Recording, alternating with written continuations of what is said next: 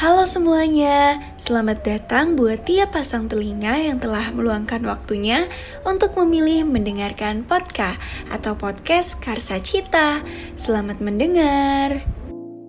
Halo rekan-rekan Karsa Cita, hari ini kita bakal sharing sharing-sharing dan bincang-bincang santai aja nih sama salah satu narasumber yang benar-benar keren banget uh, di sini kita udah kedatangan uh, narasumber yang nanti kita bakal bahas banyak hal banget dan ya hari ini juga aku bakal ditemani juga sama Kak Rahma. Boleh dong Kak Rahma, say hi dulu. Halo Sobat Kersa Cita, gimana nih kabarnya hari ini? Baik nggak? Oke, okay. iya bener banget. Untuk teman-teman di rumah gimana nih uh, kabarnya hari ini? Semoga semuanya dalam keadaan baik ya. Karena hari ini kita mau eh, sharing-sharing tentang topik yang lagi happening banget, iya nggak Kak Rahma? Iya nih, bener banget nih. Iya, jadi tapi sebelum itu kita mau memperkenalkan dulu nih. Kita hari ini kedatangan seseorang yang benar-benar uh, yang tadi udah aku jelasin ya, hari ini kita kedatangan uh, salah satu narasumber yang keren banget. Boleh aja langsung, halo Kak Andita. Halo Kak halo, Andita. teman-teman. Iya, nah. halo Kak Rama, Kak Iklima. Oke, okay. nah di sini kita kedatangan uh, salah satu uh, seseorang yang memang udah uh, apa ya sudah berkompeten banget di bidangnya yaitu Kak Andita dan kita hari ini bakal bahas-bahas uh, sharing-sharing santai aja tentang salah satu topik yang mau di up. Tapi boleh nih Kak uh, Kak Andita boleh banget untuk uh, sekarang lagi gimana nih kabarnya nih Kak Andita hari ini? Alhamdulillah baik. Oke, okay. alhamdulillah ya baik. Uh, di sini kita bakal uh, nanti tuh kita bakal sama-sama ngebahas topik yang keren banget ya Kak Andita. Iya betul banget. Jadi nanti bakal ada beberapa poin yang bakal saya sampaikan ya, yang bakal relate mungkin sama teman-teman semua uh, akhir-akhir ini. Iya bener banget. Nah uh, kita tapi sebelum itu kita mau nanya dulu kesibukannya ya Rahma. Iya nih, sekarang sibuk apa sih Kak Andita sekarang? Masih kuliah hmm? kak? Atau udah nikah? Atau kerjanya gimana nih? Sibuk okay. um, kebetulan sekarang aku berdomisili di Bali karena ikut suami. Aku udah menikah dan punya anak. Uh, kesibukan aku akhir-akhir ini sih ya konseling aja offline maupun online dan bekerja sama dengan beberapa platform layanan psikologi. Uh, juga secara remote aku kerja uh, menjadi layouter dan reviewer jurnal ilmiah psikologi di kampusku dulu gitu. Wah, keren banget ya. Bener-bener iya. kayak, wah produktif banget gitu. Aku juga seneng hmm. banget kebetulan sama konten-konten yang sering banget dibawain sama Kak Andita. Terus aku juga uh, udah kepoin Instagramnya dan itu keren banget ya Rahmah. Kita udah bener-bener kayak amazed banget sama Kak Andita ini. Iya betul oh, iya. Terima kasih. Oke, okay. nah uh, hari ini kita mau ngangkat topik apa sih sebenarnya Rahmah?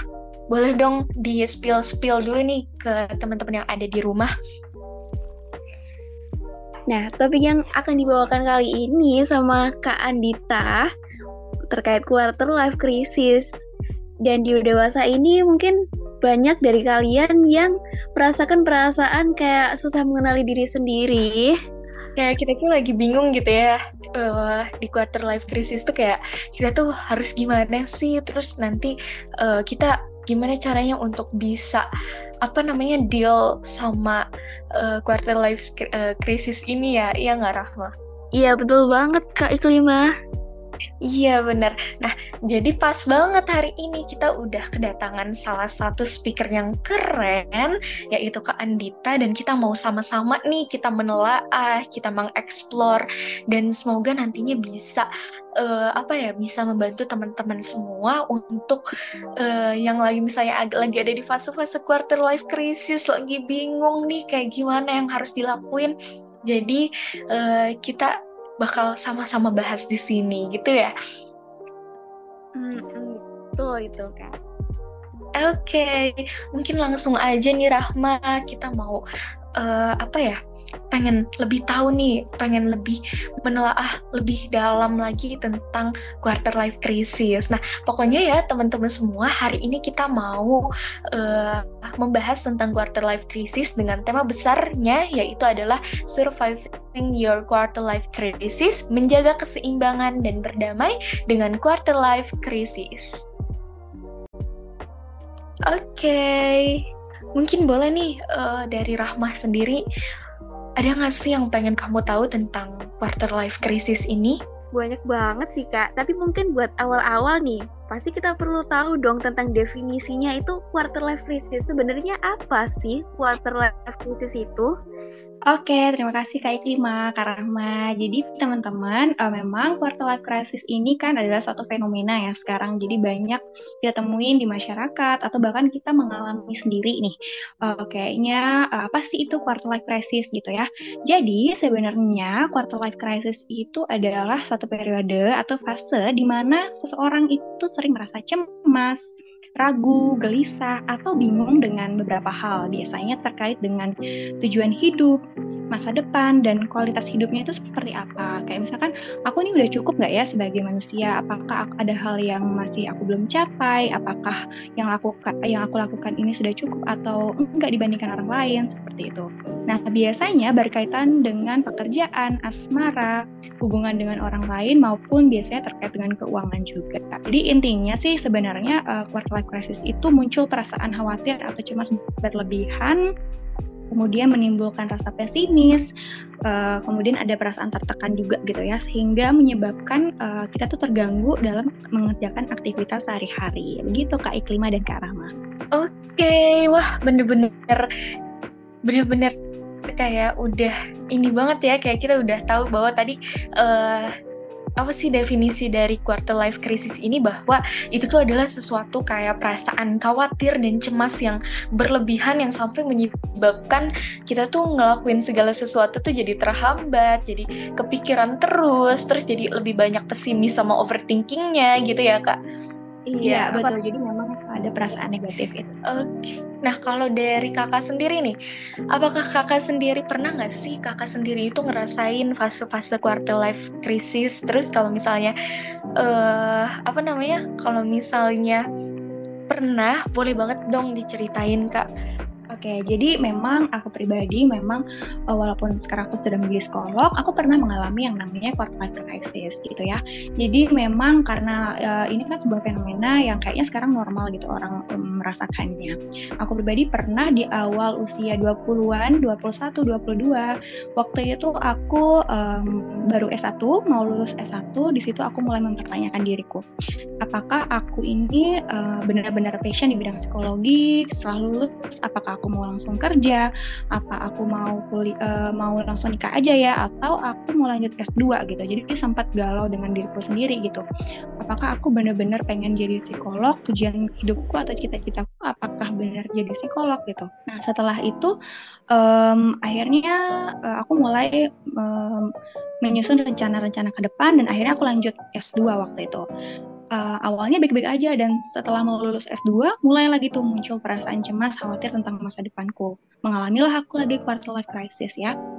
Nah, uh, aku mulai bertanya-tanya gimana ya aku setelah lulus mau jadi psikolog atau mau jadi langsung nikah aja gitu. Nah, kemudian aku juga mulai membandingkan diriku dengan orang lain, terutama dengan teman-teman sebaya ya, karena waktu itu teman-teman aku yang S1 banyak yang udah lulus dan langsung kerja atau bahkan udah nikah gitu. Aku mulai membandingkan um, mereka kok kayaknya hidupnya lancar-lancar aja, sukses-sukses aja, mereka udah bisa kerja dan bantu ekonomi keluarga waktu itu. Nah, tapi sementara aku di sisi lain masih kuliah nih gitu. Belum bisa membantu uh, keluarga secara ekonomi. Dan aku mulai mempertanyakan diriku apakah benar-benar pengen jadi psikolog atau enggak. Jadi muncullah banyak perasaan khawatir ke depannya apakah aku menjadi psikolog yang sukses atau atau enggak gitu. Nah, kemudian aku uh, berusaha cari uh, pertolongan dari teman-teman, uh, teman-teman psikologi juga. Aku bercerita sama mereka, aku dapat uh, dukungan dari mereka. Aku cerita ke keluarga juga dan aku berusaha untuk lebih mengenali diriku uh, sendiri gitu. Jadi aku akhirnya mulai bisa uh, menangani quarter life crisis yang aku rasakan waktu itu. Gitu Kak Iklima, Kak Rama. Oke, okay, benar-benar wah ternyata memang mungkin ini fase-fase yang sering banget terjadi sama banyak orang ya Kak. Iya, memang sekarang kayaknya itu normal banget ya. Semua orang kayaknya rata-rata pernah merasakan yang namanya crisis. Oh, oke okay, benar. Kayak uh, dari Rahma sendiri nih gimana nih menanggapinya kayak uh, atau misalnya Rahma udah pernah masuk ke dalam quarter life crisis atau gimana? Ya, sebenarnya saya udah pernah masuk sih Kak dalam quarter life crisis ini di umur hmm. 16 tahun sih. Tahun kemarin, oh. 17. Oh iya bener banget ya. Iya bener banget sih. Uh, tapi untuk ke anak muda kayak gitu mungkin uh, ada kemungkinan kita tuh kayak merasakan quarter life crisis juga nggak sih Kak? Kayak misalnya di uh, umur 13 tahun atau sampai 17 tahun tuh ada kemungkinan kita ngerasain quarter life crisis juga nggak sih kak?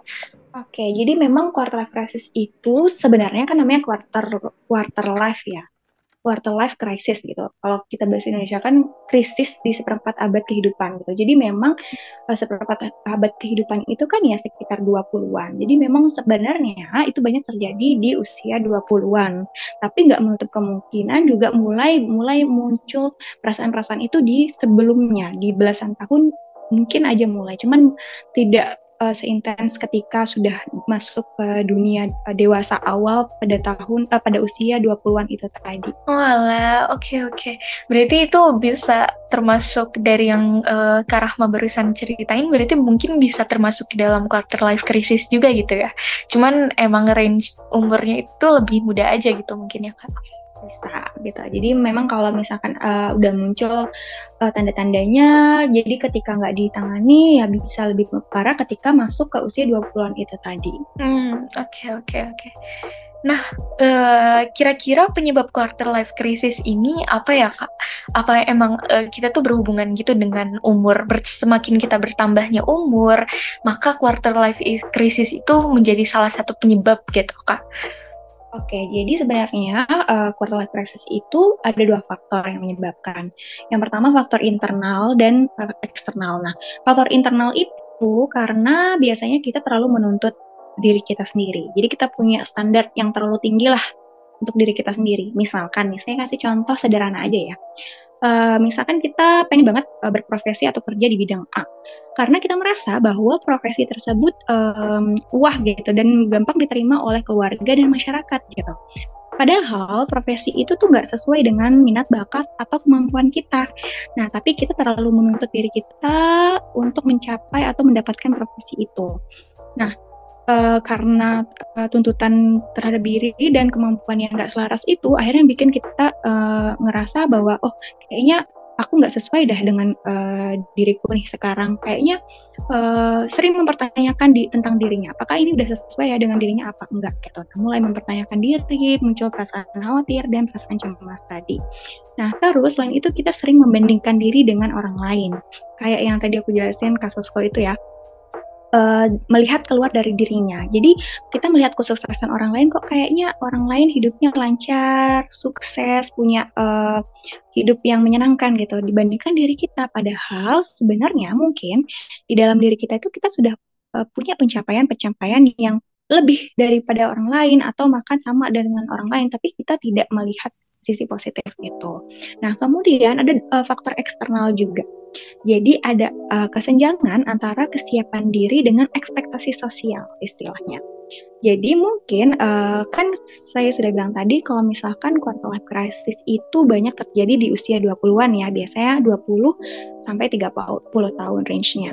20 tahun itu kan adalah periode transisi remaja akhir ya remaja akhir itu kan biasanya usia 18, 19, 20. Nah, ketika masuk ke masa dewasa awal di usia 20-an itu, uh, kita sebenarnya sebagai individu belum siap secara mental, tapi secara usia dan pandangan masyarakat kita udah banyak dapat tuntutan nih, dituntut untuk bertanggung jawab, misalkan terkait dengan pekerjaan, tentang relasi seperti itu. Nah, uh, karena kita merasa nggak siap, tapi dapat tuntutan terkait dengan usia tadi, itu juga bisa menyebabkan quarter life crisis gitu. Oke, wah keren banget ya.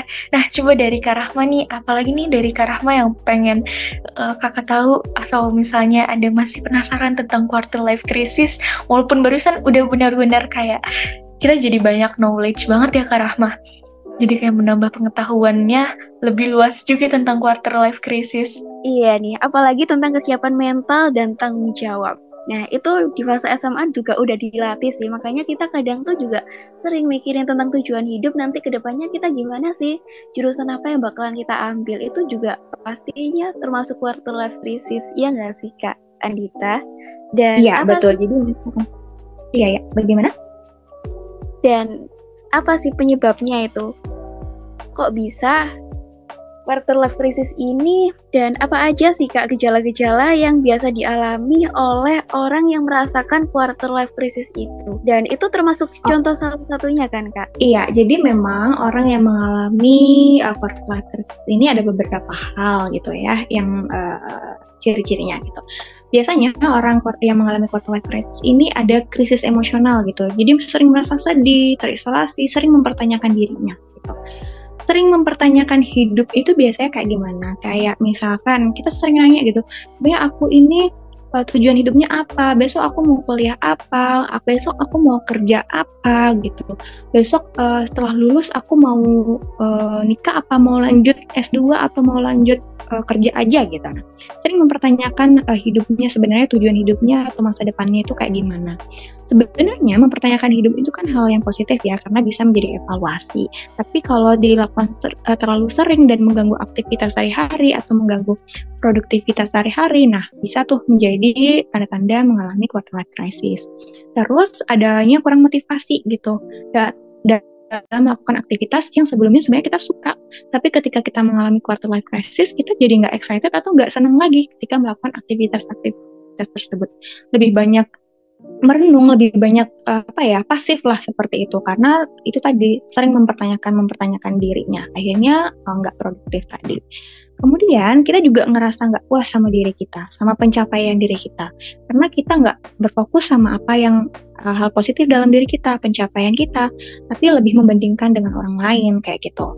Kemudian yang terakhir biasanya orang yang sedang mengalami quarter life ini sering ngerasa terisolasi atau uh, stuck aja gitu di situ-situ aja karena ngerasa nggak punya tujuan hidup, nggak tahu tujuan hidupnya seperti apa. Jadi dia mau melakukan sesuatu juga akhirnya bingung kayak gitu Kak Rama kayak klima Iya betul banget sih kak, itu relate sih, relate banget. Hmm. Nah, tapi untuk kaum muda milenial nih, pasti rentan banget sih buat mengalami quarter life crisis. Karena pola pikir mereka juga semakin berkembang. Dan gimana sih perubahan dalam hubungan pribadi dan pertemanan itu bisa mempengaruhi seseorang? Dan gimana sih menangani quarter life crisis secara sendirian nih? ketika kita nggak punya teman ngobrol apa bisa itu ditangani secara uh, dalam batin kita sendiri gitu oke okay. oke okay, bisa kak Rahma jadi uh, memang uh, tadi yang pertama ya tentang peran orang tua teman orang sekitar gitu ya orang-orang uh, tersebut bisa menjadi uh, support system buat kita yang mengalami quarter life crisis. Itu penting banget karena mereka bisa memberikan dukungan sosial. Itu berupa dorongan atau uh, misalkan mengucapkan selamat, semangat atau nasihat, kemudian membantu memenuhi kebutuhan yang kita sedang um, apa ya sedang kita butuhkan seperti itu akhirnya uh, mereka orang-orang tersebut bisa memberikan rasa aman dan kita merasa dihargai, dicintai dan diperhatikan ketika kita merasa uh, sedang ada di fase quarter life crisis itu.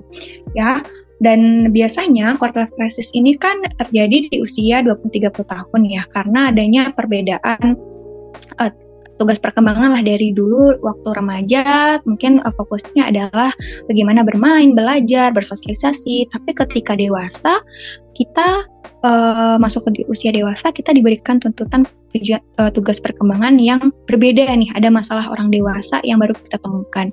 Nah, ada perbedaan itu yang membuat kita mengalami quarter life crisis dan kita membutuhkan beberapa orang yang mungkin bisa membantu kita melihat masalah itu dari perspektif lain, yaitu orang tua, keluarga yang lain, teman atau pasangan kayak gitu. Jadi mereka bisa menjadi support system kita. Nah, uh, untuk menangani quarter life crisis ini selain dengan support system dari uh, keluarga dan teman-teman tadi, bisa juga dilakukan dengan sendiri gitu ya. Hal-hal sederhana yang bisa lakukan adalah yang pertama, kita perlu mengenali diri kita dulu, kelebihan dan kelemahan kita apa. Kita perlu tahu, mungkin kita bisa menuliskan di suatu kertas kelebihan kelemahan kita apa, potensi yang perlu kita gali dari diri kita apa. Jangan terlalu sibuk membandingkan diri dengan orang lain. Fokus aja dengan diri kita sendiri gitu. Kemudian kita berusaha mengkomunikasikan masalah kita dengan orang lain seperti yang udah saya bilang tadi. Dan yang terakhir yang mungkin uh, harus kita lakukan adalah membuat rencana hidup yang realistis gitu ya. Karena biasanya kan tadi saya udah jelaskan bahwa orang yang mengalami quarter life crisis ini sering menuntut dirinya punya standar yang tinggi lah, tujuan hidup yang tinggi lah dibandingkan dengan kemampuannya. Nah sekarang coba deh teman-teman membuat suatu rencana atau tujuan hidup yang lebih realistis. Kayak misalkan uh, kalau misalkan dulu kita pengen profesi A itu kayaknya terlalu susah kita gapai. Nah, coba deh kita pelan-pelan menurunkan standar kita. Kita tulis rencana hidup kita mungkin di sebuah kertas deh kalau misalkan susah di, uh, dibayangkan gitu. Ditulis di suatu kertas, kita rincikan tujuan hidup kita dalam jangka pendek maupun jangka panjang apa, terus kita breakdown deh satu-satu langkah-langkah atau tahap-tahap untuk mencapai tujuan itu apa dan kita berikan checklist. Apakah uh, setiap harinya kita sudah melakukan sesuatu yang sudah kita tulis tadi uh, kita cek tuh kalau misalkan kita udah melakukannya. Dan kita lihat apakah ada perkembangan uh, yang lebih positif? Apakah uh, tujuan hidup kita pelan-pelan udah bisa tercapai atau enggak? Nah dengan cara kita membreakdown itu kita bisa lebih gampang nih untuk melihat apa sih yang bisa kita lakukan. Dan biasanya itu juga lebih realistis sesuai dengan kemampuan kita. Gitu Kak Iklima dan Kak Rahma. Oke, okay. wah bener-bener isinya bener-bener kayak relate banget ya sama anak muda. Ya bener banget ya tadi uh, kakak juga mention tentang kita nanti bisa ditulis, mungkin kayak journaling gitu ya kak? Ya betul. Jadi uh, journaling itu kan banyak jenisnya. Salah satunya adalah uh, kita membuat planning itu tadi rencana hidup ke depan kayak gimana. Dan kita mungkin perlu gratitude journal ya. Mungkin teman-teman yang uh, mengalami KLC tadi uh, kita perlu uh, menuliskan hal-hal yang kita syukuri setiap hari dan kita baca tiap malam, tiap hari, itu bisa membantu untuk rilis emosi kita dan uh, membuat kita menjadi lebih bersyukur gitu tadi, kayak. Iya, oke, okay. wah bener-bener, iya bener banget ya. Kalau misalnya kita juga uh, kalau misalnya kita belum bisa untuk cerita sama orang lain, kita bisa mulai dengan journaling, terus kayak uh, mungkin ini bisa relate juga karena sekarang anak muda emang lagi seneng banget sama uh, apa sih journaling journaling tuh kayak gimana sih sebenarnya konsep dari journaling sendiri gitu ya. Nah, uh, aku pengen tahu lagi nih tentang um, apa ya? Kalau quarter life crisis ini punya dampak ke depannya nggak sih bagi teman-teman yang uh, sudah mengalami quarter life crisis? Uh, apakah itu tuh berpengaruh kepada nanti masa depannya jadi sesuatu hal yang nantinya berdampak positif atau berdampak negatif atau misalnya nanti jadi akan berpengaruh kepada kehidupan sehari-harinya di masa depan ketika sudah melewati fase tersebut kira kira-kira menurut kakak gimana nih? Oke, jadi uh, pasti ya, pasti quarter life itu bisa berdampak. Apalagi ketika nggak ditangani dengan baik gitu. Karena uh, ketika kita mengalami quarter life itu kan banyak keraguan dalam diri kita ya. Kita sering mempertanyakan hidup, kita nggak tahu tujuan hidup kita yang utama itu apa. Dan biasanya rencana kita nggak realistis kan rencana hidupnya. Nah, ketika kita nggak bisa menangani itu, kita nggak punya tujuan hidup yang jelas, rencana hidup yang jelas, uh, dan apa berlangsung sampai umur 2-30-an ke atas, bisa mempengaruhi kualitas hidup kita di masa depan. Meng mempengaruhi juga kondisi emosi kita di masa depan kayak gitu kak Ima. Oke, okay, wah oke okay. bener-bener relate kan tadi udah aku jelasin bahwa memang ya sekarang tuh anak-anak muda tuh emang lagi kayak uh, yuk kita journaling journaling tapi bener-bener nggak tahu tapi di sini uh, Kak Andita udah ngejelasin tentang apa itu journaling dan gimana aja cara cara-cara kita menyikapi ketika kita udah masuk ke dalam fase quarter life crisis terus jadi di sana juga kita mungkin bisa lebih apa ya lebih bisa uh, nanti kalau misalnya kita mungkin teman-teman yang sekarang lagi ada di fasenya quarter life crisis bisa lebih uh, terbantu dengan adanya podcast ini. Terus juga nanti kalau misalnya teman-teman yang uh, belum memasuki fase tersebut, jadi udah bisa mempersiapkan nih hal-hal apa aja dan gimana untuk bisa ngehandle-nya ketika udah masuk ke dalam fase tersebut gitu ya.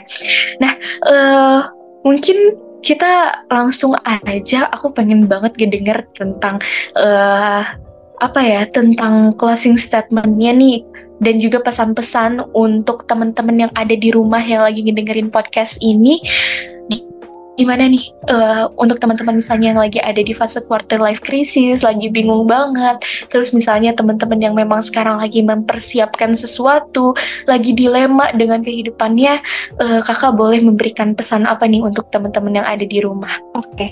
jadi buat teman-teman semua yang mungkin mengalami quarter life crisis ya, uh, aku bisa bilang untuk teman-teman harus paksa diri teman-teman berhenti membandingkan diri dengan orang lain dan mulai mengenali diri sendiri. Mulai tulis kelebihan kelemahan atau potensi yang teman-teman miliki dan uh, coba susun pelan-pelan rencana hidupnya apa dan langkah-langkah uh, konkret yang bisa dilakukan untuk mencapai rencana hidup yang udah teman-teman susun tadi. Gitu, semangat karena nggak semua hal itu uh, sifatnya negatif, gak semua emosi itu sifatnya negatif. Teman-teman bisa mengolah sisi negatif dari emosi yang teman-teman rasakan itu menjadi lebih positif, uh, menjadi motivasi buat teman-teman semuanya. Gitu. Oke, okay. wah bener banget ya Kak Rahma bener-bener hari ini kita dapat ilmu baru banget ya kayak dari podcast ini kita juga bisa sharing-sharing dan ngobrol-ngobrol sama uh, salah satu narasumber yang benar-benar keren banget yang semoga nantinya bisa apa ya bisa membantu teman-teman yang ada di rumah juga. Gimana nih pendapat dari Karahma kita hari ini ketemu sama orang yang benar-benar apa ya luar biasa banget. Iya nih, narasumbernya keren banget sih Kak Andita penyampainya udah perfect banget. Pasti sobat iya, kata banget sama yang namanya quarter life crisis. Dan gimana cara menanganinya itu pasti udah paham sih. Mulai dari kegelisahan itu gimana cara menghadapinya overthinking anxiety terus juga ada journaling tentang cara terbaik obat dari segala sesuatu self support juga terkait pengelolaan emosi negatif. Untuk diarahkan menuju emosi yang lebih positif buat mengetahui lebih dalam juga terkait potensi yang kita miliki dan bisa evaluasi nih serta perencanaan ke depannya tuh gimana dan rencana itu lebih realistis lagi. Terus juga ada manifestasi syukur dan menghargai segala sesuatu yang telah datang dan pergi. Dan di sisi lain juga pasti ada masanya kita butuh tempat untuk bercerita, kepada orang lain dan mengetahui perspektif orang tuh kayak gimana sih? Dan barangkali masalah kita juga bisa teratasi dengan cara kita curhat ke orang itu tadi. Segitu sih kak dari saya. Iya wah bener banget. Uh, kita bener-bener mau ngucapin makasih banyak nih kak Andita. Hari ini udah uh, apa ya udah mau berbincang-bincang santai udah mau sharing-sharing nih sama teman-teman di rumah terutama nih semoga bisa bermanfaat semoga nantinya bisa membantu teman-teman juga. Nanti kalau misalnya udah uh, teman-teman yang ada, lagi ada di fase ini langsung oke okay nih berarti kita harus uh, ngelakuin hal-hal kayak gini nih untuk bisa berdamai untuk bisa tetap seimbang berada di rel yang uh, sama rel yang seimbang rel yang selaras ketika kita berada di fase quarter life crisis. Kita mau ngucapin banyak-banyak terima kasih Kak Andita Iya, makasih Bang udah meluangin waktunya buat Karsa Cita. Iya, saya juga mau terima kasih buat Kak Iklima dan Kak Rama ya udah mau ngundang untuk ikut uh, podcast bareng Karsa Cita. Oke, mungkin kita udah ada di akhir podcastnya nih. Teman-teman Karsa Cita, terima kasih banyak juga telah mendengarkan podcast kami bersama narasumber yang hari ini luar biasa dan sudah menjelaskan berbagai macam eh, hal-hal uh, yang sekarang lagi sering banget terjadi dalam kehidupan kita. Semoga nanti bisa membantu teman-teman yang ada di rumah juga ya yang lagi mendengarkan. Uh, aku Iklima Green dan partner aku Rahmanur Afifah pamit undur diri. Terima kasih Sobat Karsa Cita. See you guys. Selanjutnya. Hai, terima kasih sudah dengarkan edisi podcast kali ini. Jangan lupa cek varian podcast lainnya juga ya.